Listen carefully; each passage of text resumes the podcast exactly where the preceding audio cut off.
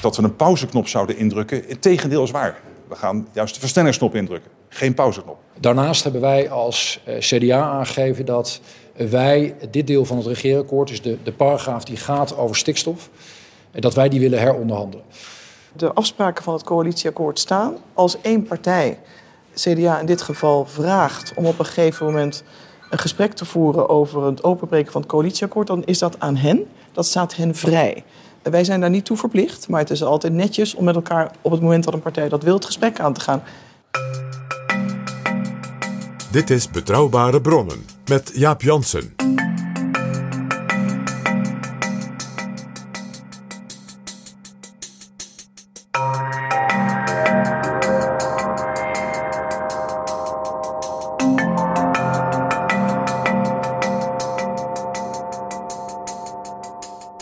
Welkom in Betrouwbare Bronnen, aflevering 337. En welkom ook PG. Dag Jaap.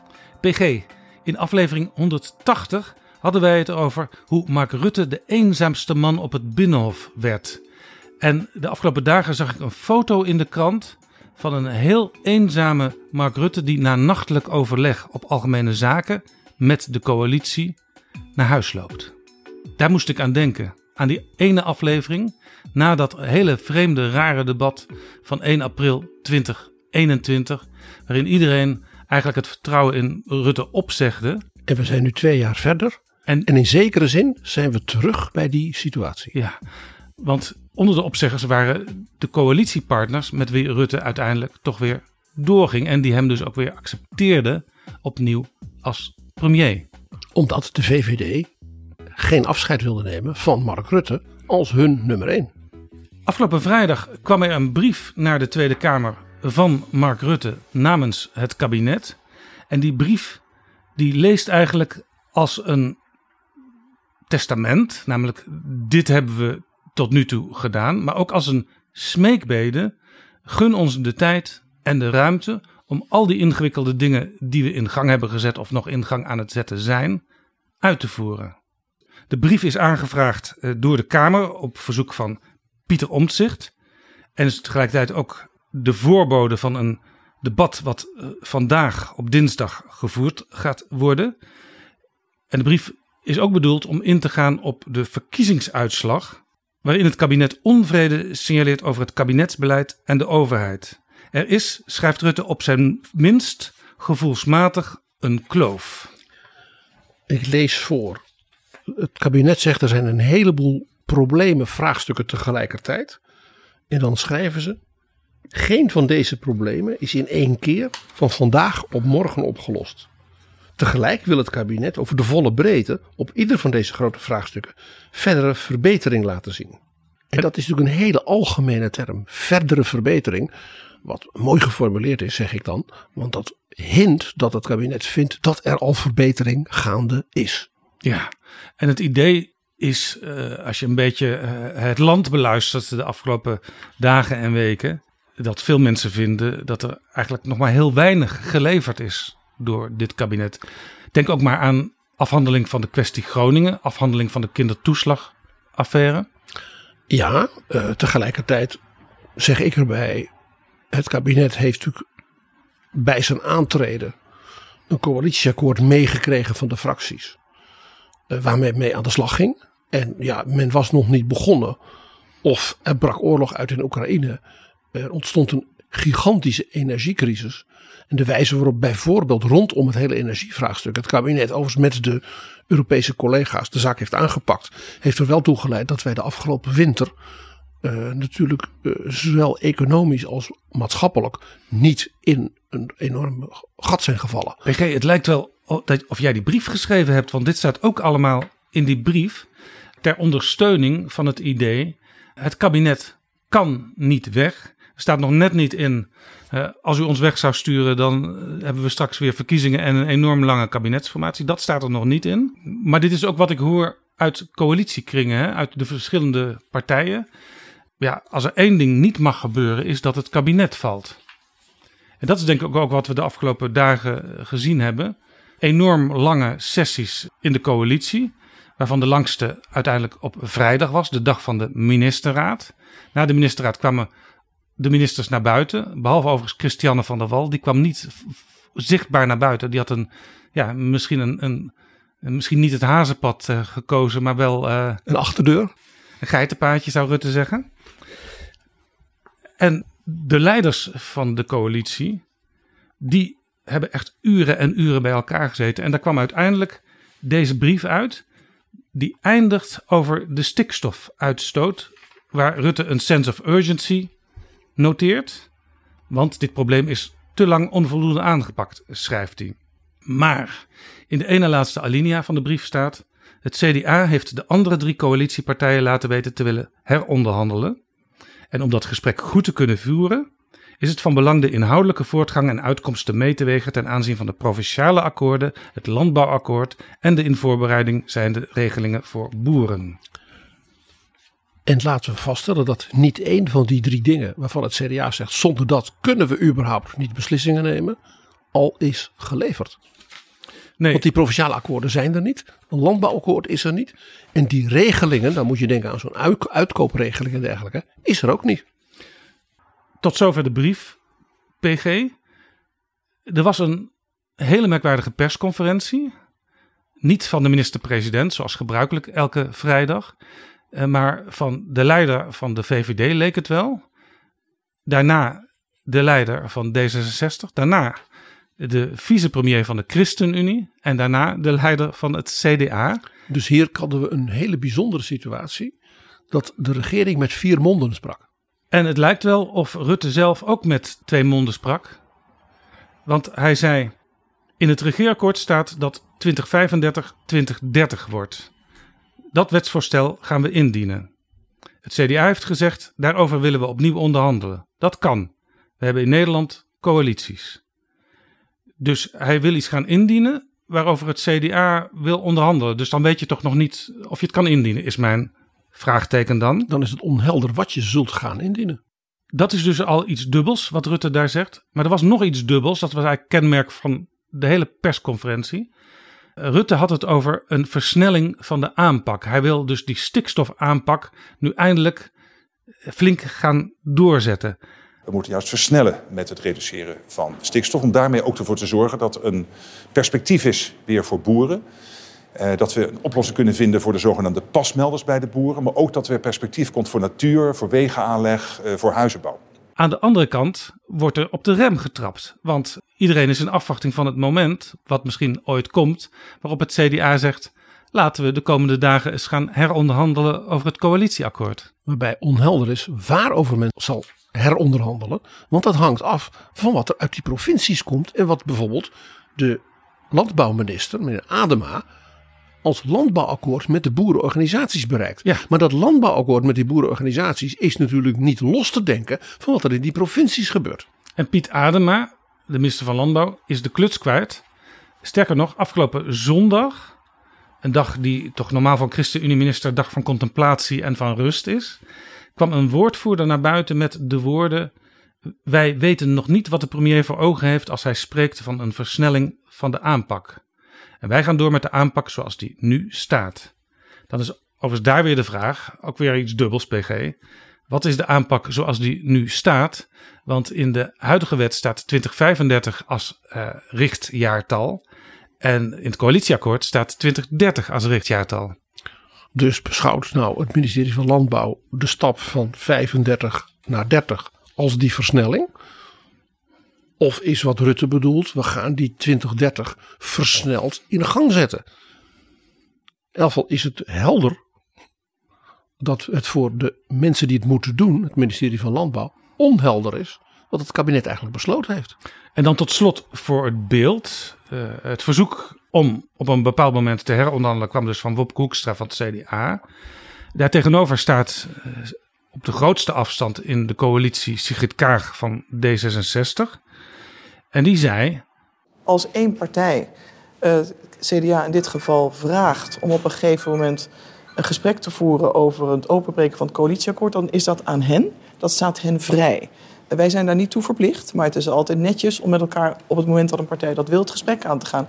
En dat is wat er gebeurt. Maar wij blijven natuurlijk doorgaan en we zoeken juist ook de versnelling volledige steun voor uh, de inzet van Christiane van der Wal en Piet Adema om zowel tot uitvoering te komen op stikstof, want het is zo belangrijk voor het hele land, voor de agrarische sector, voor de woonagenda, voor de natuur en natuurlijk ook voor de economie. Dat klonk niet heel erg toegefelijk. Uh, klonk een beetje als we zien wel waar het CDA mee komt. Nou kwam er dit weekend een brief van Kaag aan de leden van D66. Dus nu was mevrouw Kaag als briefschrijfster dus weer in de rol van partijleider. En niet als vicepremier. Ja, en ook die brief van Kaag die is eigenlijk ook tweeledig. Ze begint met een citaat van de oprichter van D66, Hans van Mierlo. Citaat dat op een muur in Breda staat, dat een aantal maanden geleden op een regenachtige zondagmiddag daar onthuld is in het bijzijn van uh, onder andere biograaf Hubert Smeets. Op die muur staat: We moeten een revolutie maken voordat die uitbreekt. En Kaag legt dat in haar brief als volgt uit. Van Mierlo bedoelde daarmee: we moeten verbinding maken voordat de burger zich definitief afkeert van de politiek. Zij erkent in haar brief een groeiend onbehagen in het land. Net als toen vinden mensen dat de politiek te weinig levert. Net als toen is de staat van het land broos. Die zorgen voel ik ook. Nou, dat is interessant. Dat lijkt redelijk dicht toch ook bij wat Woepke Hoekstra de afgelopen dagen heeft gezegd te staan. Maar dan, de tweede helft van haar brief gaat over het stikstofbeleid. En daarvan zegt ze, er is een fundamentele keuze gemaakt. Een halvering van de stikstofuitstoot in 2030. Die afspraken staan. Alle coalitiepartijen zijn het eens. We moeten sneller vooruit. Het CDA heeft daarbij te kennen gegeven op termijn te willen heronderhandelen. Dat hebben we ter kennisgeving aangenomen. Wij houden koers. En dan komt ze nog even terug op de verkiezingen. Toen was de leus vooruit met D66. Nou, dat onderstreept ze nog een keertje. En de brief eindigt ze met: U mag op ons rekenen.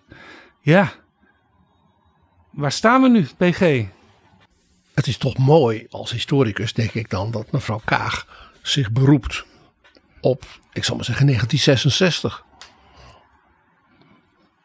En dat het land toen ook broos was. Maar volgens mij uh, heeft dat niet zo heel veel te maken met de situatie van nu. Dus misschien, ja, moesten we maar eens die situatie van nu eens even heel precies onder de loep nemen. Ja, nou ja, nog, nog één ding dan uh, voor het historisch kader. D66 is opgericht in een tijd dat mensen zich ook niet meer herkenden in de overheid en in de politiek. Eigenlijk is D66 ook als een protestpartij begonnen, zou je kunnen zeggen. Alleen dan een protestpartij van de elite, een boerenpartij van intellectuelen, zoals ze toen ook wel genoemd werden. En daar zit dus misschien, maar dan moet je echt heel goed kijken en heel scherp zoeken, een overeenkomst met BBB. Van Meerlo op zijn volk glimlacht nu, want hij zegt: Dit is een paradox, zoals ik die zelf niet had kunnen bedenken. Over al deze dingen, PG, gaan we het hebben. Maar eerst, zijn er nog nieuwe vrienden van de show? Ik heb een berichtje binnengekregen van Angelique. Zij is deze week vriend geworden en zij is een wat oudere mevrouw en schrijft... Mijn generatiegenoten lezen vaak nog lineair en kunnen vaak hun weg niet vinden in podcastland. Dat beperkt hun blik. Regelmatig in gesprekken met deze en gene verwijs ik naar jullie podcast met het advies daar eens naar te luisteren en wat meer in de helikopter te gaan. Nou, dankjewel Angelique. Mooi. Ik vind het prachtig. Niet alleen Angelique bedanken wij bijzonder, maar ook Mark, Marnix, Patrick, Isabel, nog een tweede Patrick, Wilfred, Sjoerd, Suzanne en Emiel. En er zijn ook nog losse donaties binnengekomen? Jazeker, van Hendrik, van Hugo, van Hans-Peter, van Henriette, van Rob, van Bart, van PW en CJG. En wij zijn jullie zeer, zeer erkentelijk. En we hebben natuurlijk prijswinnaars eh, van het boek van Timothy Garton Ash. Vijf exemplaren beschikbaar gesteld door uitgeverij De Geus, waarvoor wij De Geus hartelijk danken. Europa, een persoonlijke geschiedenis. En omdat we het leuk vinden, heb ik ook gevraagd aan mensen die eh, zeiden: Ik wil daar wel voor in aanmerking komen. Uh, waarom luisteren jullie eigenlijk naar betrouwbare bronnen? Nou, enkele wil ik even aanstippen. Want er zijn heel veel hele ook interessante, ook voor jou en mij Jaap, interessante reacties binnengekomen. In de zin dat je dus iets meer meekrijgt van wat luisteraars, ja, hoe ze op je reageren, hun reflecties, ook hun aanmoedigingen. Soms zelfs ook mensen die zeiden met leuke ideeën kwamen. Dus ik zeg tegen u luisteraars, doe dat vaker. Ja, en we reageren niet altijd rechtstreeks op elke mail en elke opmerking. Maar we zijn er wel heel blij mee. Gerben uit Rotterdam bijvoorbeeld, die zegt... Jullie zijn mijn favoriete podcast tijdens het hardlopen. Ik ga binnenkort een aantal afleveringen opsparen voor tijdens de marathon van Rotterdam. Mijn hemel. Erik uit Valkenburg aan de Geul schrijft: Als docent economie op een middelbare school in het zuiden van het land is het Europese gevoel iets dat ik goed kan overdragen aan mijn leerlingen. Zeker wanneer die leerlingen boodschappen doen in België en hun ouders tanken in Duitsland. En mede dankzij jullie podcast is het voor mij mogelijk om de grotere onderwerpen hieraan te verbinden. Oh, dat vind ik dus extra leuk. Dat het als daar ook meteen weer via zo'n docent weer naar een nieuwe generatie overgedragen wordt. Heel mooi. En dan nog eentje, Martijn, die zegt: Ik stel voor dat BB'en een werkwoord wordt. Het staat voor duiding van politieke gebeurtenissen vanuit een historisch perspectief. Een beetje zoals dat Scholzen van Timothy Garton Ash. En dan nu, roffel, roffel, roffel, de vijf prijswinnaars van het boek van Timothy Garton Ash. Er gaat een exemplaar naar Jon uit Groningen, naar Sonja uit Amsterdam, Noah in Den Haag, Isabelle in Schoonrewoerd en Jeroen in Ventabrin in Frankrijk. En hij schrijft: Continuez votre bon travail, monsieur. Il est vraiment apprécié. Formidable, formidable. Wil jij ons ook steunen met een donatie en daarmee kans maken in de toekomst wellicht op een volgend boek? Ga dan naar vriendvandeshow.nl/slash bb. PG, het lijkt wel of de coalitie in ademnood is. Ze grijpen elkaar bij de nek. En het zou toch goed zijn als ze lekker fris, ademend, met enige rust en enige relativering misschien zelfs, eh, het werk gingen aanpakken en dat debat ingingen. En wat, wat helpt ze, daarbij? en wat moeten ze dan aandoen? Ja, ja jij raadt hem al. Ondergoed van Bamigo. T-shirt mag ook, een polo, een broek, een pullover. Loungewear zelfs. Pyjama als je s'nachts niet kan slapen, sokken. En ze hebben tegenwoordig zelfs ook schoenen, waardoor je nog wat steviger in balans kan staan in zo'n coalitie. En die versnelling kunt aanvangen. Precies. Dus een tip voor het kabinet, misschien nog voor hele ingewikkelde debatten die vandaag en over enige tijd nog zullen volgen. Ga naar de site bamigo.com en ga met een code korting krijgen. 20% korting met de code BRON20. Dus speciaal voor betrouwbare bronnenluisteraars. Bamigo.com, de code BRON20. Om weer te kunnen ademen waar je nu misschien nog in ademnood bent. Dit is Betrouwbare Bronnen. PG, we hadden vroeger een directeur van de Rijksvoorlichtingsdienst. Die kwam tijdens kabinetsformaties naar de journalisten toe met de opmerking: Waar in het ondermaanse bevinden wij ons? Kun jij die vraag nu voor ons beantwoorden? Ik zou het zo zeggen, de coalitie is in verwarring. En dat komt vooral door de coalitie zelf. De vier partijen die dit kabinet vormen. Die het dus met elkaar niet 100% eens zijn. Dat, kan. kan. niet. Als Dat- ze met z'n vieren een aparte persconferentie geven. Een beetje onder de vlag van algemene zaken. Maar toch met een hele partijpolitieke inkleuring. Zelfs dat is staatsrechtelijk, als je heel precies wil zijn, eigenlijk niet netjes. Eigenlijk hadden de ambtenaren van algemene zaken moeten weigeren hun ruimte ter beschikking te stellen voor deze mensen. Dat is wel heel precies. Laten we even teruggaan naar waar het ook alweer begon. Het kabinet Rutte 4 werkt aan de hand van een akkoord. Dat noemen ze ook een coalitieakkoord. Daarom is het ook wel opmerkelijk dat Mark Rutte het ineens over een regeerakkoord weer had. En dan is de boodschap volstrekt helder, namelijk het regeerakkoord staat. Het is een coalitieakkoord van die vier fracties. Die hebben daar eh, behoorlijk lang over gedaan. En hebben uiteindelijk besloten, deze vier gaan het doen. En toen is met name het duo Remkes-Koolmees, heeft die vier bij elkaar gebracht. Op de inhoud. En er was dus een coalitieakkoord. En daar is men ministers bij gaan zoeken. Ja. Zo is dat gegaan. Dat coalitieakkoord, de inkt was nog nauwelijks droog. Of de gebeurtenissen die dat die coalitie natuurlijk ook niet kon voorspellen, hebben ongeveer alles wat er in dat coalitieakkoord staat overhoop gegooid. Ja, dat gaat eigenlijk altijd zo. Hè? Ze doen wel tijdens het schrijven van zo'n coalitieakkoord uh, alsof het in, in marmer gebeiteld voor vier jaar overeind staat. Maar vaak na een aantal maanden, soms weken, soms dagen, zijn delen alweer achterhaald. En dat is dit keer bij Rutte 4 wel in uitzonderlijke mate het geval. En dat heeft natuurlijk te maken met uh, Poetins inval in Oekraïne, maar ook alle consequenties daarvan. Het raakt de financiële basis van het coalitieakkoord. Dat is in feite weggeslagen. Uh, dan hebben we het natuurlijk ook over de geopolitieke consequenties van dat akkoord. Op dat punt was dat akkoord zelfs vrij, vrij beperkt. Men had er niet zo heel veel over te melden. Ook over niet over Europa. Dan natuurlijk defensie. Ja, dat is natuurlijk. Als je toen zou hebben gezegd wat mevrouw Ollongren als klus zou krijgen, had iedereen je natuurlijk voor gek verklaard.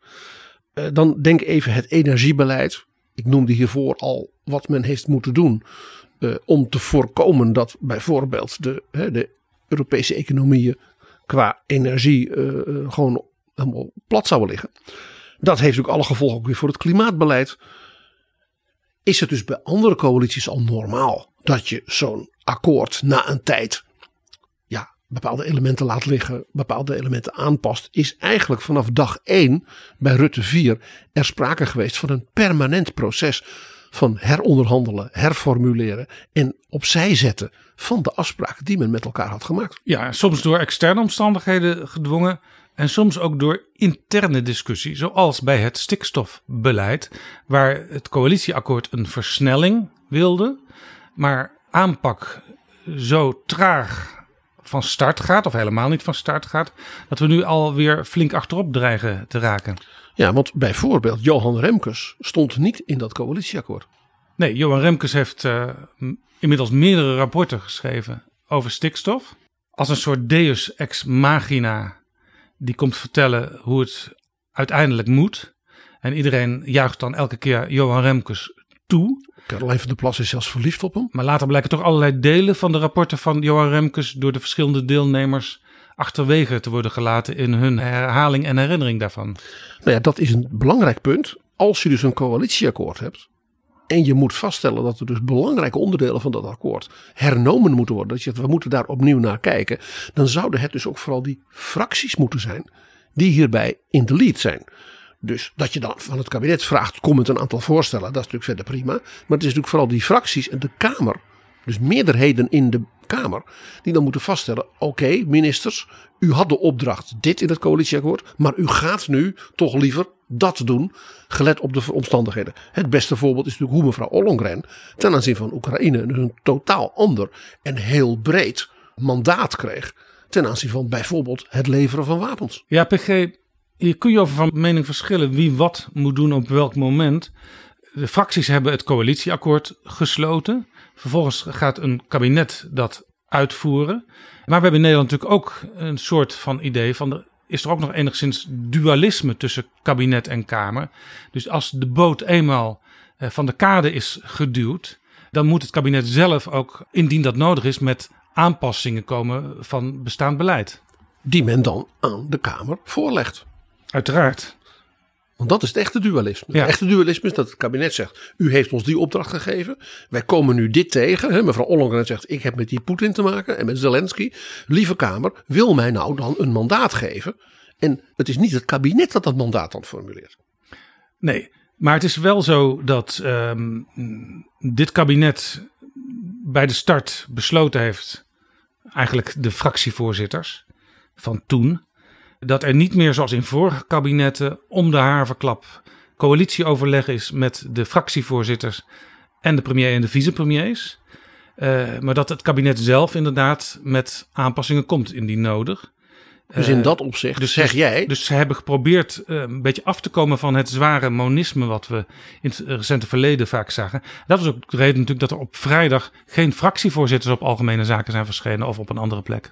Dus eigenlijk zeg jij het feit dat de vicepremier van het CDA, die minister van Buitenlandse Zaken is, en aankondigt dat er dus op een belangrijk deel van het coalitieakkoord een soort heronderhandeling moet komen. En dat dat ook nog op een terrein is waar hij volstrekt niet over gaat als minister van Buitenlandse Zaken. Dat dat dus in het licht van die situatie niet raar is. Gezien die afspraken die ze gemaakt hebben samen, vanuit de onvrede van het wordt wel erg allemaal in achterkamertjes eh bekokstoofd. En die fracties die zijn, al, die zijn er al aan gebonden eh, voordat ze als fractievergadering er naar hebben kunnen kijken. Want hun fractievoorzitters hebben er al mee ingestemd. Ja, daar wilden ze vanaf. En dat zien we nu. En nu is het natuurlijk interessant om te zien of de leiders die in het kabinet zitten, dat is ook nog een puntje. eh, ja, partijleiders in het kabinet. eh, er zijn rapporten over volgeschreven waarom dat eigenlijk heel onverstandig is. Een partijleider zou in de Tweede Kamer moeten zitten. Maar goed, dat is nu eenmaal zo. Maar dan kijken we waar ze mee komen.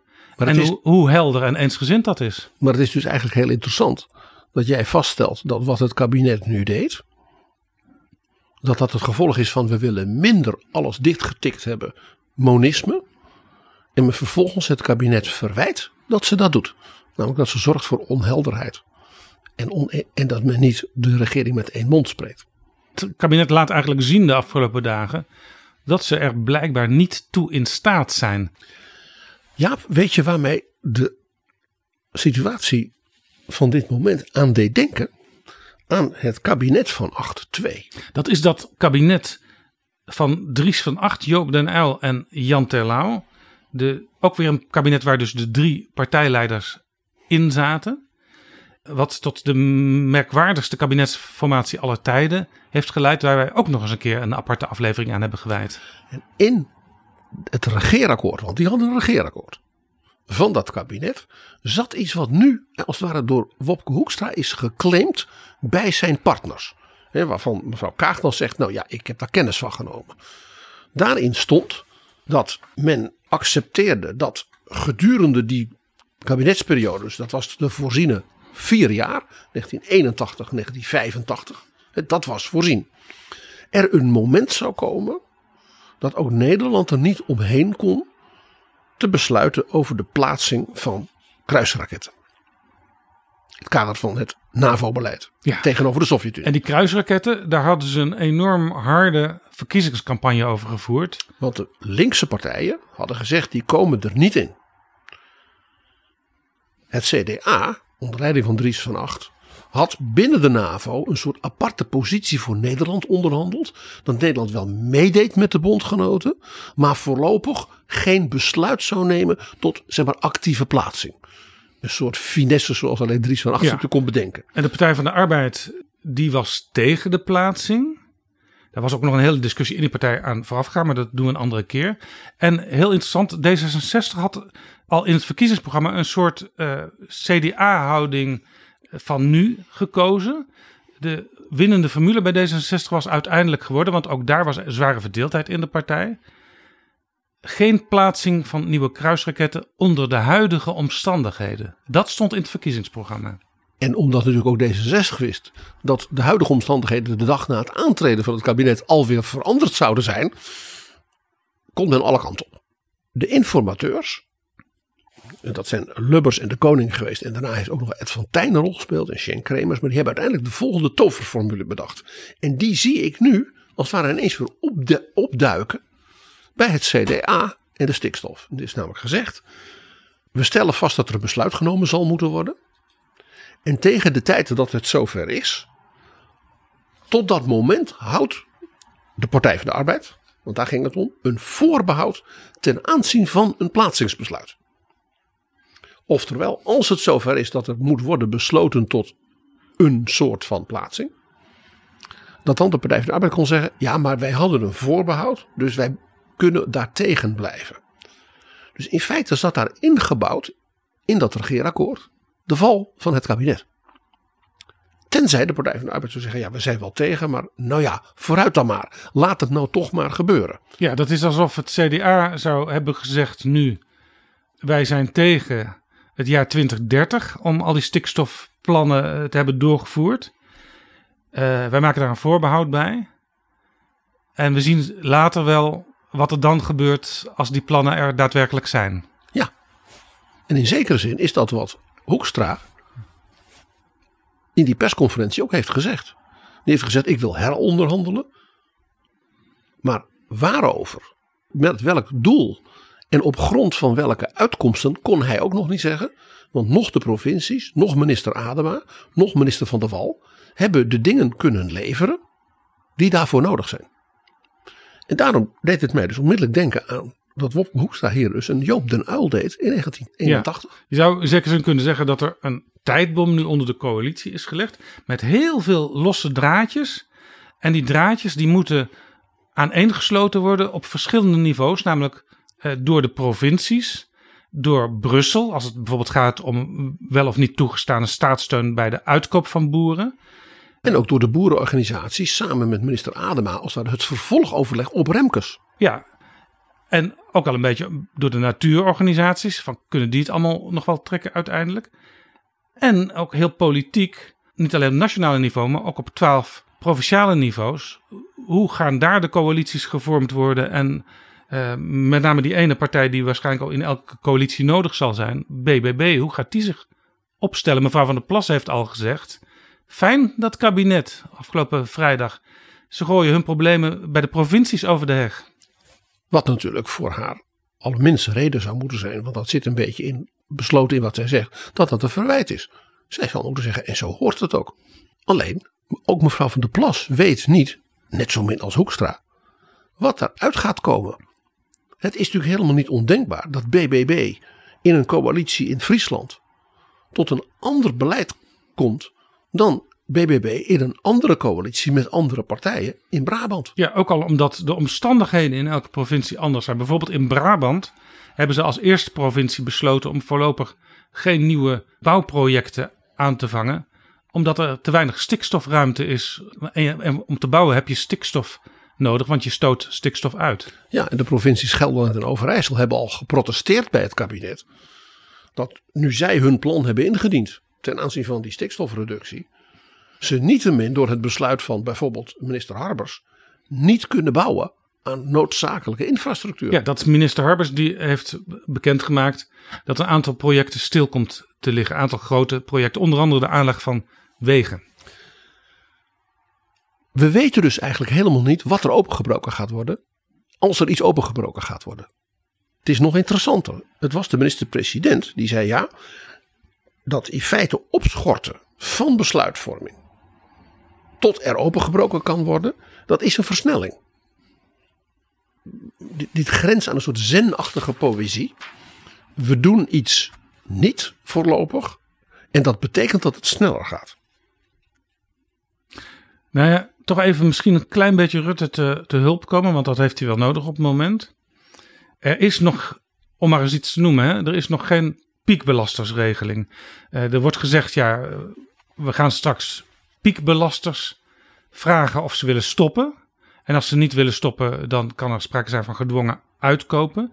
Maar er is helemaal nog geen officiële lijst van wie zijn nou precies die piekbelasters. Het was nota bene het CDA-kamerlid Dirk Boswijk, beetje de specialist op dit terrein, die na dus die opmerking van de minister-president de volgende dag zei: hoe kun je iets versnellen als er nog geen concreet beleid is? Ja, maar er goed, valt niks te versnellen er dus als er nog niks die, is. Een aantal van die elementen, ik zal andere niet noemen, maar piekbelastingsregeling is er een voorbeeld van.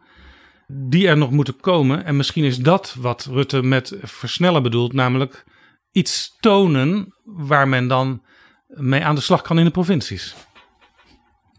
En in zekere zin is dat wat de eurocommissaris, die ook ineens een rol ging spelen, omdat er een brief was waar allerlei mensen zeer opgewonden over raakten dat kwam omdat er een nogal slechte vertaling van zijn brief in het Nederlands ineens rondging. En mensen dachten dat die Nederlandse vertaling dat dat die brief was. Dat was die brief helemaal niet. Allemaal voorbarig kippendrift. Ja, want elke brief in uh, Europa wordt natuurlijk uh, geschreven in een van de hoofdtalen en vervolgens in alle talen vertaald. Van het land wat het ontvangt. Precies. En die, die eurocommissaris met een hele lastige naam. Hij komt uit Litouwen. Ik kan hem bijna niet uitspreken, maar laten we even uh, luisteren hoe hij zijn eigen naam zelf uitspreekt. Hello, my name is Virginijus Sinkevicius and for the next five years I'll be serving you as the European Commissioner. Zo heet hij dus. Virginijus Sinkevicius. En hij is van de Boeren en Groenen. Hij is dus een soort partij in Litouwen die in het Europees Parlement meedoet met de groene fractie. Maar zij noemen zich de Boeren en de Groenen. Dus dat is een soort Jesse van der Plas partij. Ja, de Litouwse Unie van Boeren en Groenen. Inderdaad, staat niet heel ver af qua naam van de boer-burgerbeweging. Zeker niet in een tijd waarin we toch allemaal een beetje groen proberen te zijn. Die Litouwse eurocommissaris, die zei in feite wat die Dirk Boswijk zei. Namelijk, wat is er nu aan de hand? Nou, dat is eigenlijk helemaal niet zo ingewikkeld. Nederland heeft gezegd, we hebben nu die afspraken gemaakt hè, in het overleg van de heer Remkes. Dat wordt nu concreet uitgewerkt. En dat heeft u ons ook Europees beloofd dat u dat zou doen. Dus ik herinner u eraan dat u dat beloofd heeft. En daarbij betekent dat dus die provincies dat vervolgens die concretisering moeten invullen voor hun specifieke situatie Ja, regio. Een hele bescheiden brief, maar toch eh sprongen een aantal betrokkenen in Den Haag in de hoogste boom, onder andere het CDA. Eh, die lieten zelfs eh, eh, Manfred Weber, de leider van de Christen-Democraten in Europa, in de Telegraaf ook nog wat boze dingen erover zeggen. Van waar bemoeit die man zich mee? Dat is wel interessant overigens. Hij bemoeide zich er niet mee. Hij was gevraagd door de ministers Ja, op om die brief 14 te schrijven. februari in een brief werd gevraagd: kunt u nog eens concretiseren wat ook alweer het kader is waarbinnen wij ons bevinden? Want dan kunnen we dat als het ware bij het concretiseren en uitwerken van dat Remkes-akkoord erbij leggen. Ja, en het werd ook door, als een complottheorie gezien door eh, sommige politici en journalisten. Want het was wel opmerkelijk dat het juist in die dagen van dat topoverleg kwam. Eh, maar ja, eh, hij zat eigenlijk al aan zijn deadline, deze commissaris. Want eh, in Brussel is het gebruikelijk dat je binnen zes weken antwoord geeft. Hij had het ook eerder kunnen doen, maar dan was hem weer verweten dat hij zich met de statenverkiezingen van 15 maart had bemoeid. Je kunt het in Brussel, als het om Nederland gaat, nooit goed doen. Dat blijkt hier maar weer. Ja, één ding wat hij schrijft is dat het is van essentieel belang om vermindering van ammoniakemissies niet teniet te doen in het beleid wat u nu aan het voorbereiden bent. En eh, ja, ik vond het toch wel heel tragisch eigenlijk dat ik zondag in Buitenhof Sjaak van der Tak, de voorman van LTO Nederland, de boeren, hoorde zeggen: daar gaat deze eurocommissaris helemaal niet over. In zekere zin heeft hij gelijk. Hè? Eh, Nederland heeft zelf voor stikstofaanpak gekozen. Dat zijn die ammoniakemissies. Maar dat komt omdat landen zelf mogen bepalen hoe zij de richtlijnen uit Brussel toepassen en uitvoeren. Wat dus Sjaak van der Tak hier nogmaals, waarschijnlijk onbedoeld, helder liet zien, is dat Europa geen superstaat is. Dat er geen dictaten uit Europa zijn. Maar dat Nederland zijn eigen plannen hierbij verantwoordt aan zijn partners. En dat gaat dan via het apparaat van de Europese Commissie.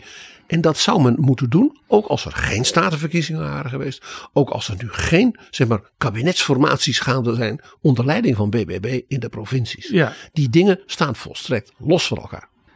En ook dit commentaar van Van der Tak is weer een voorbeeld van het eh, verspreiden van mist en onduidelijkheid. Een soort politieke ammoniak. Precies, en dat maakt het natuurlijk niet veel beter op als juist het kabinet in de brief zegt eh, te willen proberen eh, ja, de band met de burger weer te verstevigen eh, door helder beleid te voeren. Het lijkt wel of, of niemand dat echt wil, hè? zelfs binnen de coalitie niet, want daar spreken ze elkaar tegen.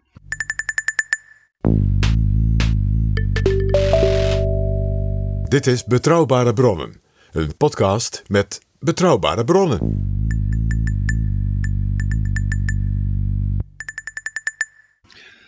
Het is misschien goed om dan even ja, vast te stellen. Wat is er nou eigenlijk concreet wel gebeurd? Dit onderwerp is heel groot, is heel ingewikkeld. En eh, de consequenties zijn enorm. Er kan, kunnen geen huizen gebouwd worden. Er kan geen infra worden aangepakt. Eh, eh, de boeren hebben het gevoel, we hebben geen perspectief. Dus je zou verwachten dat men dan aan de slag gaat. De minister-president wil zelfs versnellen. Nou, in dat eerste jaar van het kabinet Rutte 4, want daar hebben we het in feite over, zijn de volgende dingen gebeurd. Het eerste, wat wel het meest opmerkelijke was, dat het partijcongres van de VVD het beleid van minister Van der Wal heeft afgekeurd. Ja, Daar hoor je niemand meer over. Sterker nog, dat heeft niet, heeft niet geleid tot bijvoorbeeld extra actie. Bijvoorbeeld extra toelichting, extra uitwerking van de kant van minister Van der Wal. En van de VVD in de, in de Tweede Kamer. Van dat beleid. Men heeft dat gewoon à la Sigrid Kaag voor kennisgeving aangenomen. Ja. Hoogst opmerkelijk. Het tweede. De minister van Landbouw, de minister van de ChristenUnie, die zou het op zich nemen om voor die sector een nieuw toekomstperspectief te schrijven. Met de betrokkenen ervan uitgaande dat men dus dat stikstofbeleid zou uitvoeren. Ja, en ook vanuit het idee dan eh, is er bij alle pijn die ze vanwege dat stikstofbeleid moeten ondergaan, tenminste zo wordt het gevoeld door veel boeren, is toch nog een, een, een wenkend toekomstperspectief om je bedrijf voor te zetten. En waarbij ook misschien heel nuchter kan worden vastgesteld dat het overgrote deel van de agrarische sector in Nederland helemaal niks met stikstof te maken heeft. Het is namelijk een beperkt aantal, beperkt aantal typen, met name veehouderijbedrijven die het betreft. Die minister is opgestapt. Laten we niet meendraaien. Die is opgevolgd door een collega, ook uit de ChristenUnie. En die is in zekere zin overnieuw begonnen. Ja, die is het land ingetrokken om met iedereen te overleggen. En eh, van hem wordt op enige termijn een landbouwakkoord verwacht. En daarbij zal natuurlijk moeten gebeuren wat in dat akkoord van Remkes is neergelegd. En waar iedereen van zei, daar zijn we zo blij mee. Zelfs de verliefde Caroline van der Plas. Ja, want Nou. Remkes, Remkes heeft dus ook het land eh, bezocht en eh, met iedereen en zijn moeder gesproken. En hij kwam met een aantal stevige conclusies, deels gebaseerd op zijn eerdere rapport over stikstof, namelijk er moet flink worden aangepakt. En, deels noemde- op het regeerakkoord. En deels op de zorgen en kritische kanttekeningen vanuit de boerensector. Ja, en een van die die- heeft hij bij elkaar gebracht. En een van de kritische kanttekeningen die kwam overigens eh, vanuit de coalitie van Wopke Hoekstra. Toen hij nog niet klaar was met zijn rapport. En die zei, ja, eh, die datum 2030, wat we in het coalitieakkoord hebben afgesproken. Ja, daar zijn we toch niet zo blij mee. Daar heeft Remkes over gezegd, laat dat nou toch wel het streefjaar blijven. Alleen, we kunnen eh, een paar keer eerder kijken hoe ver we al zijn. En misschien constateren we dan dat het eigenlijk al best wel goed gaat richting dat streefjaar. Zodat je dat streefjaar niet als een soort valbijl die een begin en een eind van alles is. Ja. Altijd verstandig. Soort het- valbijlen zijn bijna altijd inderdaad een soort guillotine die niet werkt. En eigenlijk zei hij ook, daarmee ook tegen Wopke Hoekstra... je hoeft dat helemaal niet als een soort politieke fetish te gebruiken, dat jaartal. Nee, in zekere zin trap je dan in de val die de bepleiters van zo'n fetish voor jou openzetten. Maar Remkes zei nog meer. En dat zei hij in oktober van 2022. Dus dat is vijf maanden geleden. Die zei, je zou bij een aantal hele grote piekbelasters om de tafel moeten gaan zitten om te zeggen wat kunnen we nu al doen. Misschien zelfs kunnen we de piekbelasting daar drastisch reduceren door maatregelen te nemen. Ja, want het helpt natuurlijk enorm als je de grote, tussen aanhalingstekens, boosdoeners... als je die versneld tot extra actie kunt krijgen. Daar is in vijf maanden niets gebeurd. Dus ja, dat de provincies dan nu gaan zeggen, ja, wat moeten we dan nu doen? En dat dus het ministerie van Landbouw dan via een woordvoerder zegt, ja, wij weten ook niet wat versnellen is, is dan niet zo vreemd. Dan is er nog een derde punt, wat natuurlijk opvallend is in het voorbije jaar. En dat is dat de effecten van deze vertraagde aanpak, ondanks Remkes dus, niet bij de boeren neerslaan. Het is niet zo dat de boeren in Nederland nu niet meer eh, zeg maar, eh, kal- kalfjes mogen exporteren. De effecten slaan neer bij bijvoorbeeld minister Harbers. Die dus zegt, ja, infrawerkzaamheden, ja, die kunnen niet meer. En wat zou je denken van minister Hugo de Jonge? Die heeft dus met dat coalitieakkoord het op zich genomen om honderdduizenden huizen te gaan bouwen. Ja, en hierdoor eh, gebeurt het dat bijvoorbeeld jongeren die eh, het huis uitgaan en in de stad willen gaan wonen om bijvoorbeeld te studeren, ja, geen woning kunnen vinden. Maar dat denk ook even aan de niet-stedelijke delen van Nederland, waar men zegt: wij willen meer huizen hebben voor onze eigen bevolking, dat die hier kan blijven. Dat kan dus ook niet. Waardoor die mensen uh, in toenemende mate ook ontevreden worden. En misschien zelfs wel op BBB hebben gestemd bij de afgelopen verkiezingen. Want ja, die ontevredenheid die moet zich ergens kanaliseren. Ja. Maar de feitelijke effect is dat dus andere essentiële onderdelen van het, ik maar het kabinetsbeleid en het breed in Nederland gewenste beleid, zoals heel veel extra doen voor de volkshuisvesting en problemen knelpunten oplossen in de infrastructuur, in feite worden lamgelegd. Het was dus ook niet toevallig dat Bouwend Nederland al liet merken dat men zeer verontrust is over de effecten. En als er dus als het ware nu nog meer vertraging zou ontstaan, ja, dan ligt het voor de hand dat dus alle andere activiteiten in de bouw ook vertraagd worden. En dat betekent dus dat bepaalde bedrijven dan gewoon kopje ondergaan. Ja, en dat betekent dus dat de Nederlandse economie, die het na corona best goed doet. En die dus door dankzij goede gezamenlijke aanpak, ook Europees, in de energiecrisis ten gevolge van de inval in Oekraïne niet in een recessie is terechtgekomen. Nee. Maar dan zijn we nog net als de bodem schurend. Maar dat dan, is men er weer uitgekomen. Dat, dat hij dan alsnog een klap krijgt. in een swing naar beneden dreigt te gaan. En dan hebben we natuurlijk PG de provincies. Ja, want die provincies die hebben dus nu verkiezingen gehad. Dus die staten die komen nu voor het eerst bijeen. En dan is er een verkenner. En daarna komt meestal in de provincies een, een formateur op het pad. Die met de partijen die met elkaar willen gaan onderhandelen bij elkaar gaat zitten. En dan een soort programma in hoofdlijnen formuleert.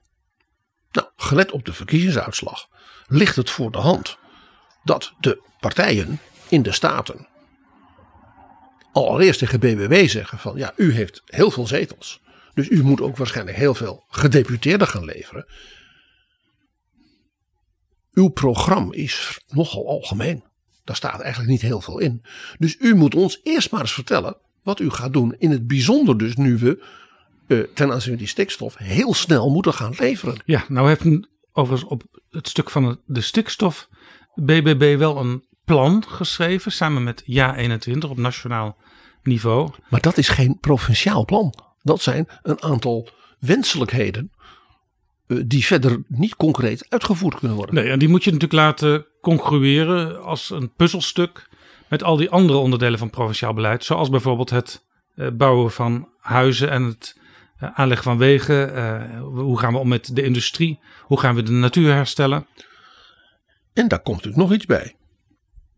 Die provincies kunnen dit doen als ze bijvoorbeeld weten hoe groot dat stikstoffonds is dat zeg maar, minister Van der Wal kan gaan inzetten om die transities te maken. En bijvoorbeeld hoeveel ze uit dat fonds zouden kunnen opvragen voor goede plannen van die provincie. Daarvoor is er natuurlijk nodig dat er dat nationale landbouwakkoord is van de heer Adema, de invulling van Remkes dat men dan per provincie kan zeggen: oké, dat betekent dus voor Drenthe dit en voor het veel nattere Zeeland dat. Ja. En dan is er natuurlijk voor die piekbelasters en ook voor anderen, ook vrijwillig, natuurlijk nodig dat men zicht heeft, ook financieel, op de zogenaamde uitkoopregeling. Ja, en die is er ook nog niet. Overigens, uh, Mirjam Sterk, zij is de, de landbouwgedeputeerde in de provincie Utrecht. Zij is van het CDA. En is een beetje de woordvoerder van die CDA's in al die provincies ja, op zij dat terrein. zich een beetje op als woordvoerder van allemaal. Zij zegt, wij zijn in de provincies aan de gang met de huidige wet. En dat is de wet die uitgaat van 2035 als, als doeljaar. Maar PG, eh, is het niet zo dat als je een coalitieakkoord hebt op landelijk niveau en daar staat al het voornemen in om dat 2035 te gaan vervangen door 2030, dat je daar dan, regeren is immers vooruitzien, al een beetje op gaat richten als provincie? Dat zou kunnen, maar dat doe je dan in de vorm van scenario's. Want de provincie zal zich hier als medebestuurder aan de wet moeten houden. En de wet zegt 2035. Ja, maar ja, goed. Uh, je zou nog eens voor grote verrassingen kunnen komen te staan. als je net iets hebt opgetuigd. wat alweer helemaal achterhaald is. zodra de inkt droog is. Dat zou dus zomaar kunnen, ja. Nou Jaap, hier raken we dus aan een buitengewoon problematisch punt. Want dat stikstoffonds van minister Van der Wal, dat moet bij wet worden geregeld. Ja. Zodat minister Kaag van Financiën op Prinsjesdag het mechanisme van die wet in gang kan zetten. Ja, er ligt al wel een bedrag, dat staat in het coalitieakkoord. Eh, maar hoe dat bedrag precies bijeengegaard wordt en wat de randvoorwaarden zijn, dat weten we nog niet. Nee, want daar heb je die wet voor nodig. Die wet die moet dus op Prinsjesdag er zijn. Want anders kan mevrouw Kaag helemaal niks. Dan kan ze pas op Prinsjesdag 2024 daarmee aan de slag. Dus de vraag is nu of de pauze die Rutte heeft afgekondigd als zijnde een versnelling, of dat ook betekent een pauze voor deze wet. Ik begrijp dat die wet bij de Raad van State ligt. Ik denk dat de Raad van State ook met deze blik naar die wet zal kijken. En het is dus maar helemaal de vraag of alleen al vanwege dus de behandelingstermijnen voor dit wetsvoorstel er op Prinsjesdag zo'n wet ligt. Dus die provincies die hebben dan van alles ingevuld. Niet wetend wat er in die wet staat. Die ze nodig hebben om te kunnen invullen en eventueel ook geld te kunnen besteden om bijvoorbeeld bedrijven uit te kopen. Een regeling die er overigens nog niet is. Dus wat er in die provincieplannen zal staan, dat zal denk ik dan een optelsom van wensenlijstjes worden. Van BBB en CDA en GroenLinks. Ja, en la Mirjam Sterk zullen die provincies dus zeggen... wat wij op 1 juli bij Den Haag hebben moeten ingediend aan plannen... dat is natuurlijk gebaseerd op de oude wet. Precies. Dus als je de situatie zou krijgen, dat is niet ondenkbaar, dat de provincie plannen indienen, die dus gebaseerd zijn op de wet, zijn de 2035.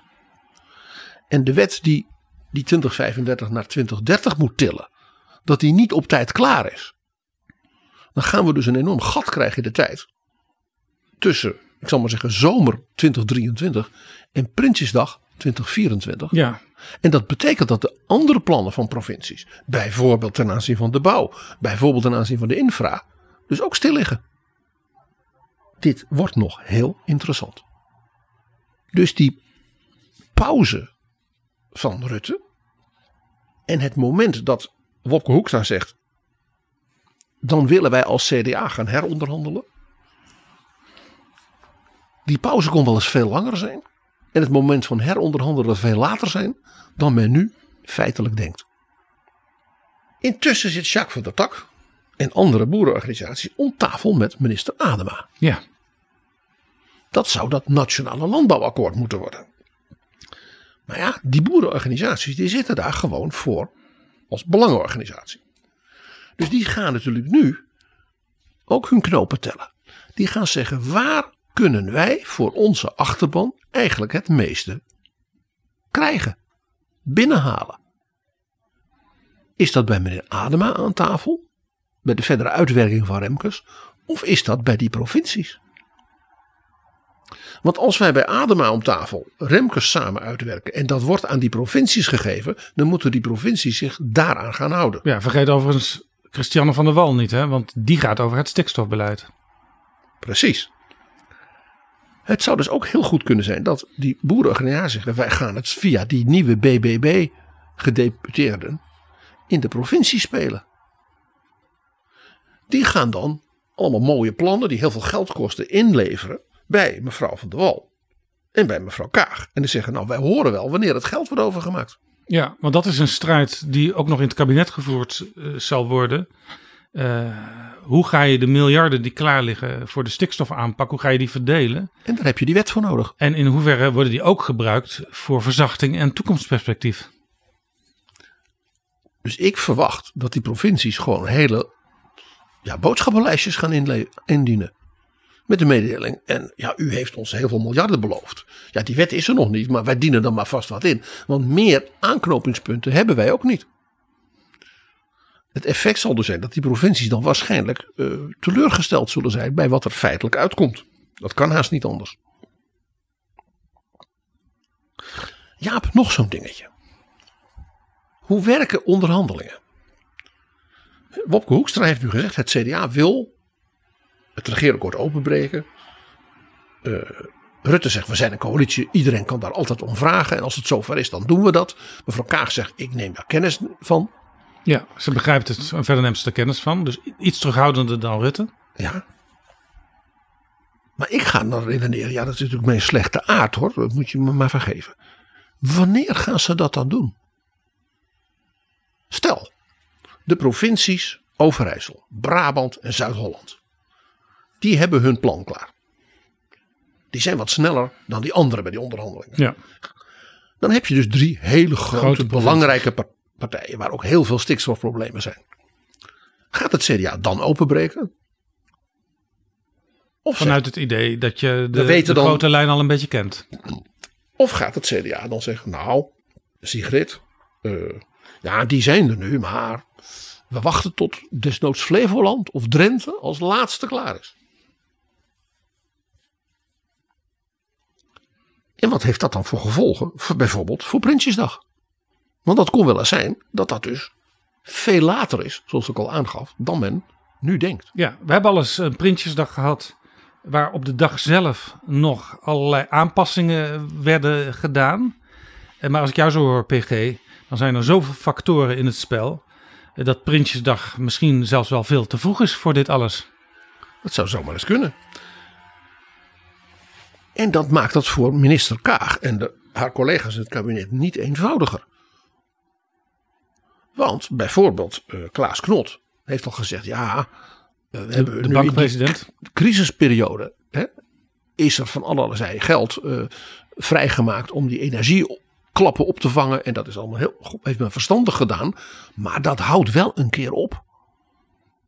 Je kunt niet blijven weer een nieuw fonds bedenken en een nieuwe regeling. Dit is trouwens ook nog, nog weer een extra complicatie voor Sigrid Kaag als minister van Financiën. Want die eh, probeert niet alleen die CDA-boot zo lang mogelijk af te houden. Van, eh, die discussie kan ook wat mij betreft nog wel een tijdje wachten. Want D66 heeft natuurlijk wel meer dingen in het coalitieakkoord die zij belangrijk vinden. Noem maar het klimaatbeleid. Maar ja, eh, Kaag moet wel de komende weken en maanden met al haar collega's om tafel over potentiële bezuinigingen gaan praten. Dan wel temporiseringen, dingen wat uitsmeren en dergelijke. Temporisering is ook bezuinigen, PG. Ja, precies. Ombuigen heet dat. Ombuigen, ja. Maar als de beeldvorming is dat die provincies met die boodschappenlijstjes gaan komen, dan zal dan Kaag tegen de ministers zeggen: jongens, ja, dat betekent dat ik bij andere ministers zwaarder moet bezuinigen. Dus ja, dan maar niet zo'n extra voor de leraren salarissen. Denk je dat ze dan tegen Kajsa Ollongren zeggen: ja, dan maar niet Oekraïne? Ik denk het niet. Maar D66-ministers, ik noemde nu als voorbeeld dus een dijkgraaf. Hebben een best wel wat eh een- spending departments een Jetten. Die zitten hier niet op te wachten. Op zo'n gesprek met Sigrid Kaag. En dat zou dus warempel kunnen gebeuren. Nou en nog tegen Wopke Hoekstra kan ze zeggen... je hebt de afgelopen jaren en jouw voorganger ook eh, extra ambassades geopend. Ga er maar weer eh, twaalf aanwijzen die dicht kunnen. Dat is wel heel gemeen, Jaap. Dat zijn hele kleine bedragen, dus dat, dat, dat- dat gaat niet helpen. Alle kleine beetjes helpen. Dat weten ze op financiën als de beste. Dat weet Wopke Hoekstra natuurlijk als geen ander. Nog een klein technisch dingetje. Maar je weet, kleine technische dingetjes kunnen levensgevaarlijk zijn. Toen het regeerakkoord werd vastgesteld. En werd gezegd, we gaan een stikstoffonds maken van, wat is het, 25 miljard. Toen werd gezegd, ja, dat gaan we gewoon, eh, dat halen we uit de markt. De rente op dat moment voor Nederland was negatief.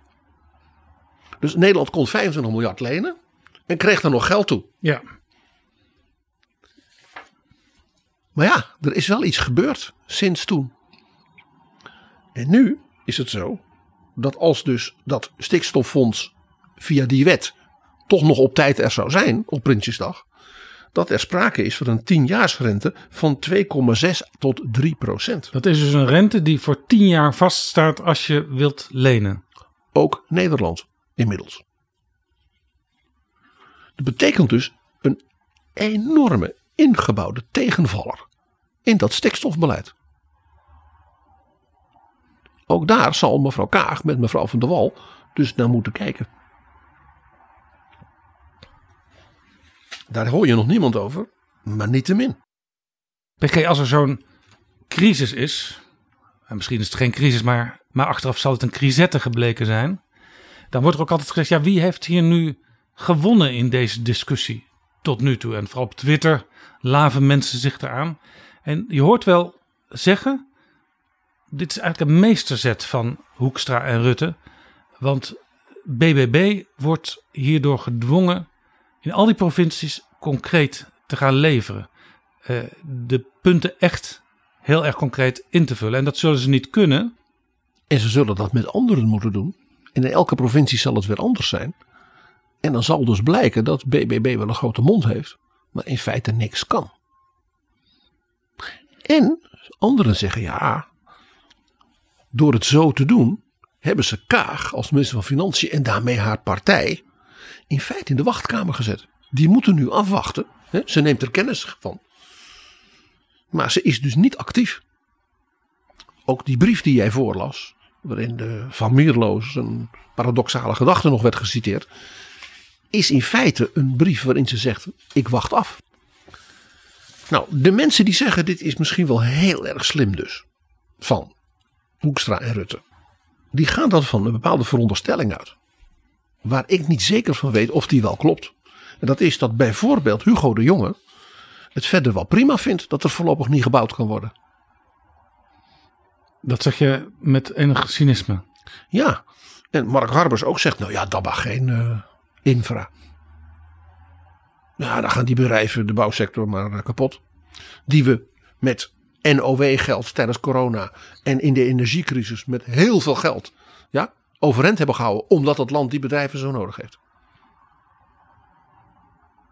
Die is natuurlijk wel een situatie waar we het over moeten hebben. Want dat is de werkelijkheid. En dat is misschien wel de reden waarom die brief van de eurocommissaris uit Brussel zo hard viel, zo als een soort bom insloeg. Die eurocommissaris, hoe heet hij ook alweer? Virginijus Sinkevicius. Het is de jongste eurocommissaris geloof ik in de geschiedenis. Hij is 32. Hij is 32 en hij heeft een master Europese studies gedaan aan de Universiteit Maastricht. Dus hij weet precies hoe het in Nederland zit. Virginijus Sinkevicius. Hij heeft veel beter door wat er in Nederland gebeurt dan heel veel mensen denken. Want juist die hele slimme internationale studenten in Maastricht, levende internationale studenten zeg ik nog een keer extra, die kunnen zich dus zeer goed inleven in wat dat rare Nederland waar ze lang genoeg hebben rondgelopen, wat daar allemaal speelt. De man uit Litouwen is misschien wel tien keer slimmer dan men hen toedicht. Want in feite zegt hij in die brief: Ik weet van u, minister van de Wal, dat u een heel groot plan aan het maken bent. En u bent ook meer dan één keer op bezoek geweest al hier bij ons in Brussel. Om, om ja, begrip te vragen. En, en Nederland heeft het zo moeilijk. En het is de voorbije jaren hebben ze een heleboel dingen niet gebeurd die eigenlijk gebeuren hadden moeten zijn. Maar ja, alsjeblieft, geef ons nog wat uitstel. in feite staat in die brief in hele vriendelijke woorden dat hij er eigenlijk niet helemaal zeker van is dat het kabinet niet opnieuw met een soort uitstelmanoeuvre bezig is. dus vandaar netjes kort bonden formuleren. U heeft zich gebonden aan de volgende dingen. Niet dat heb ik tegen u gezegd, dat heeft u zelf gezegd. Ja, vrijwillig. En dat is natuurlijk voor het kabinet en ook voor Hoekstra en de zijnen wel een punt. Want als het inderdaad zo is dat men nu opnieuw naar Brussel gaat melden. Ja, we gaan eerst afwachten tot die BBB gedeputeerden in de provincie met hun plasje bij de dokter langs zijn gekomen. En we moeten ook nog eigenlijk die stikstofwet indienen. En eigenlijk al die middelen die die provincies zouden nodig hebben om dat beleid te voeren, die zijn er nog niet. Hoe denken ze dan dat Brussel zal reageren? Van ja, maar Nederland, u had toch dit en dit en dit en dit beloofd. En die meneer Remkes had toch dat en dat en dat en dat met u samen vastgesteld. Dat ging u toch doen? Af en toe hoor je in betrouwbare bronnen een advertentie, maar vaak ook niet. En dat is jammer, want we hebben graag meer adverteerders. Want ook daarmee houden we betrouwbare bronnen online. En als jij nou werkt bij een organisatie of een bedrijf waarvoor het misschien best nuttig kan zijn om bij ons te adverteren, neem dan contact op. En je bereikt via betrouwbare bronnen heel veel jonge mensen met grote maatschappelijke politieke belangstelling en natuurlijk de decision makers van Nederland en in Brussel. Stuur een mailtje aan adverteren.dagenacht.nl en dan neemt de reclameafdeling van Betrouwbare Bronnen, ja ja, neemt dan contact met je op. Adverteren,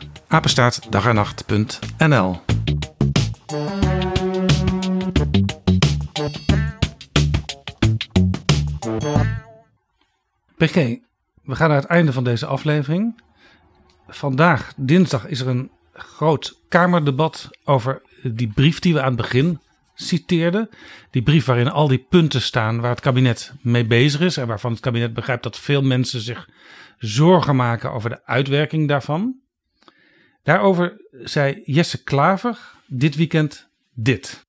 Wat ze nu doen is niet proberen het stikstofprobleem op te lossen of uh, echt naar de kiezer te luisteren.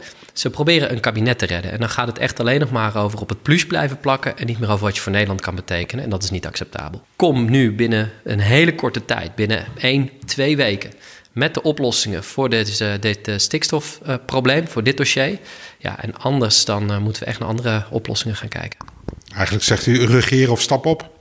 Regeer of stap op. Dit is interessant wat Jesse Klaver hier zegt. Ik, en dat kan ik- misschien ik ook een. herinner mij ineens een Mark Rutte in 2009. Precies, ja. dit kan misschien een voorbode zijn ook van het debat. En misschien zelfs wel letterlijk van een in te dienen motie vandaag. Want in 2009, in september, waren er veel klachten over het kabinet wat er toen zat van Jan-Peter Balkenende. Je weet wel met de Partij van de Arbeid en de ChristenUnie naast zich. Mark Rutte was toen oppositieleider. Hij was nog niet zo lang de leider van de VVD. Het ging ook nog niet zo heel goed met dat leiderschap. Er was zelfs de vraag of Mark Rutte het einde van het jaar wel zou halen. Ze hadden ook de Kamerverkiezingen huizenhoog verloren. En Mark Rutte zei in die algemene beschouwingen dat hij niet meer geloofde in een kabinet dat alles voor zich uitschuift. Hey. En hij zei: We moeten nu echt die forse bezuinigingen die nodig zijn in gang zetten. En het kabinet laat niets van zich horen. En Rutte zei toen: Deze motie van wantrouwen komt er omdat u geen beleid voert. Omdat u geen maatregelen neemt. Omdat u aan derden uw verantwoordelijkheid wegdelegeert. Daarom zeg ik tegen u, regeer of stap op. Vandaag laat u duidelijk blijken, u gaat niet regeren. Dan is maar één conclusie denkbaar, opstappen.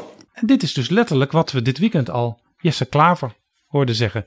Dus dit kan best wel eens de formule zijn waarachter eh, een groot deel, of misschien wel de hele oppositie, zich schaart in dat debat. Maar ja, ik zeg de oppositie, en dat is natuurlijk niet de meerderheid in de Tweede Kamer. Want de coalitie heeft daar nog steeds de meerderheid. Maar van de coalitie hebben wij aan het begin van deze editie vastgesteld dat zij in belangrijke mate de eigen bron is van de eigen verwarring. Dus jij sluit niet uit dat er in dat debat ook nog eh, van coalitiekant extra verwarring zal kunnen ontstaan. Eh, ja, ik weet het bijna zeker. Dus het wordt heel spannend. En we hebben geen idee waar dit toe gaat leiden. Ja, geen idee. Toch nog één heel klein dingetje.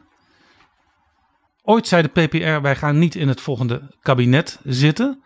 En toen zei Dries van Acht: wij zwaaien het ventje vriendelijk uit.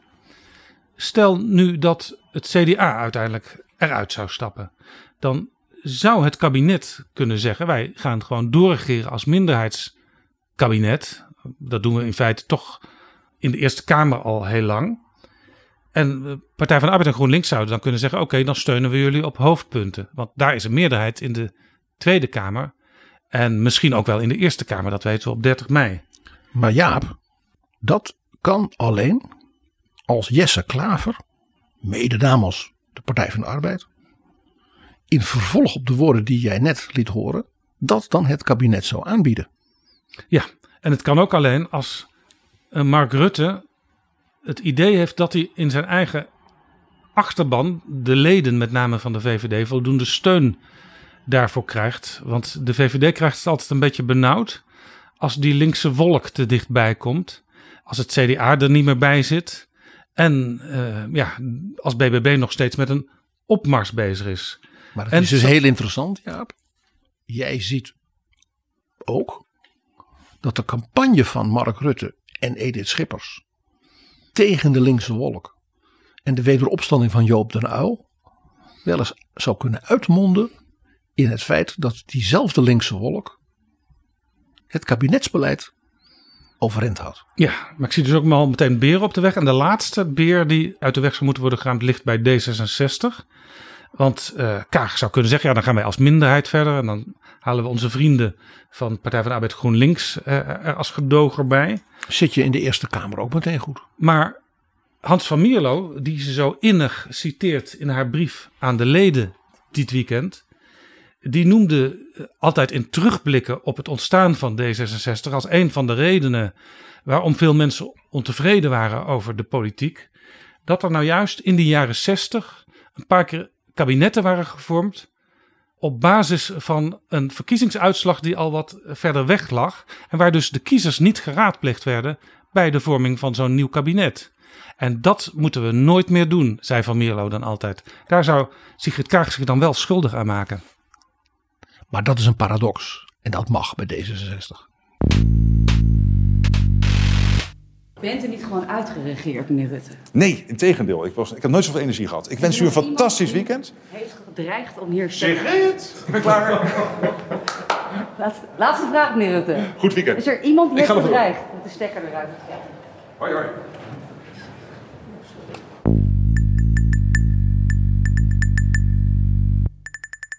PG, we zouden betrouwbare bronnen niet zijn als we helemaal tot slot ook nog even naar ons Europese omveld kijken. Want in de landen om ons heen gebeuren dingen die eigenlijk heel erg doen denken aan wat er op dit moment in Den Haag gebeurt. In Frankrijk is het volk opstandig tegen Macron. Die, die lijkt steeds minder steun te hebben. Je weet niet wat daar gaat gebeuren bij volgende verkiezingen. In Vlaanderen is de regering bijna gevallen over het stikstofbeleid. En in Duitsland is er ook een soort smeulende crisis in de top van de coalitie gaande. Want daar moeten allerlei grote maatregelen in gang worden gezet. Daar hebben ze net een uh, compromis over gesloten.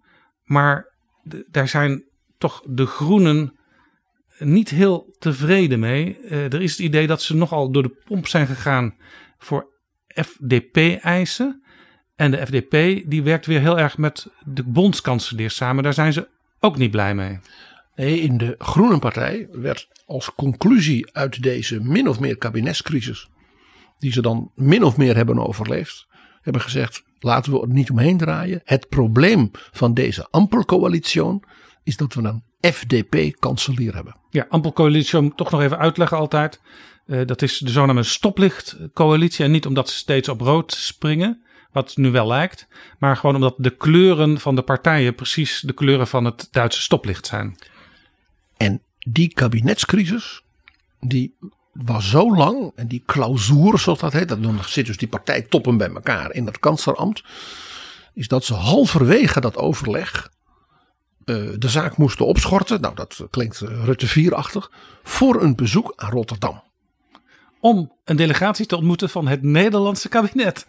Het jaarlijkse overleg van die twee regeringen om dingen die je samen doet nog eens even goed door te praten en uh, afspraken aan te scherpen, te vernieuwen, nieuwe thema's te doen. Een initiatief ooit van Angela Merkel. En er werd zelfs uh, door Scholz enigszins verontschuldigend gezegd in Rotterdam. Uh, neem me niet kwalijk als ik misschien een beetje vermoeid overkom. Want we hebben tot diep in de nacht zitten vergaderen. En toen ze terugkwamen uit Rotterdam begon dat dus helemaal overnieuw. En het is heel opmerkelijk dat Scholz als argument waarom hij de groenen politiek een beetje het gevoel geeft dat hun rode kameraden ze pijnlijk in de steek laten, verwees naar Nederland. Ik lees voor uit Der Spiegel. Het allerbeste klimaatbeleid, daar heb je niks aan als je er niet in slaagt de mensen mee te nemen. Aldus Scholz. Dat is geen basta voor het groene beleid, maar het is niet mis te verstaan wat hij daarmee bedoelt. Scholz zei in het nachtelijk overleg dat hij vreest voor grote maatschappelijke tegenstand tegen allerlei groene maatregelen en verwijst daarbij naar Nederland waar het protest van boeren op dit moment het partijensysteem door elkaar schudt. En zo is de cirkel rond. En kunnen we misschien door te kijken naar de landen om ons heen ook nog weer leren hoe we het hier in Nederland, in Den Haag en in de provincies moeten aanpakken. Dankjewel, PG.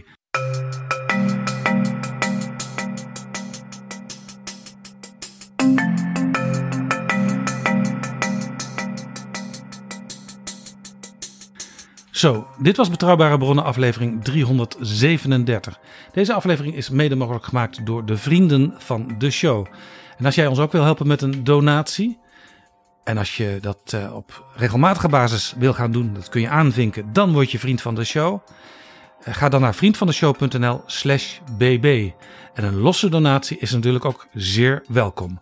vriendvandeshow.nl slash bb. U bent zeer welkom. Tot volgende keer. Hoi hoi. Betrouwbare bronnen wordt gemaakt door Jaap Jansen in samenwerking met dag en nacht.nl.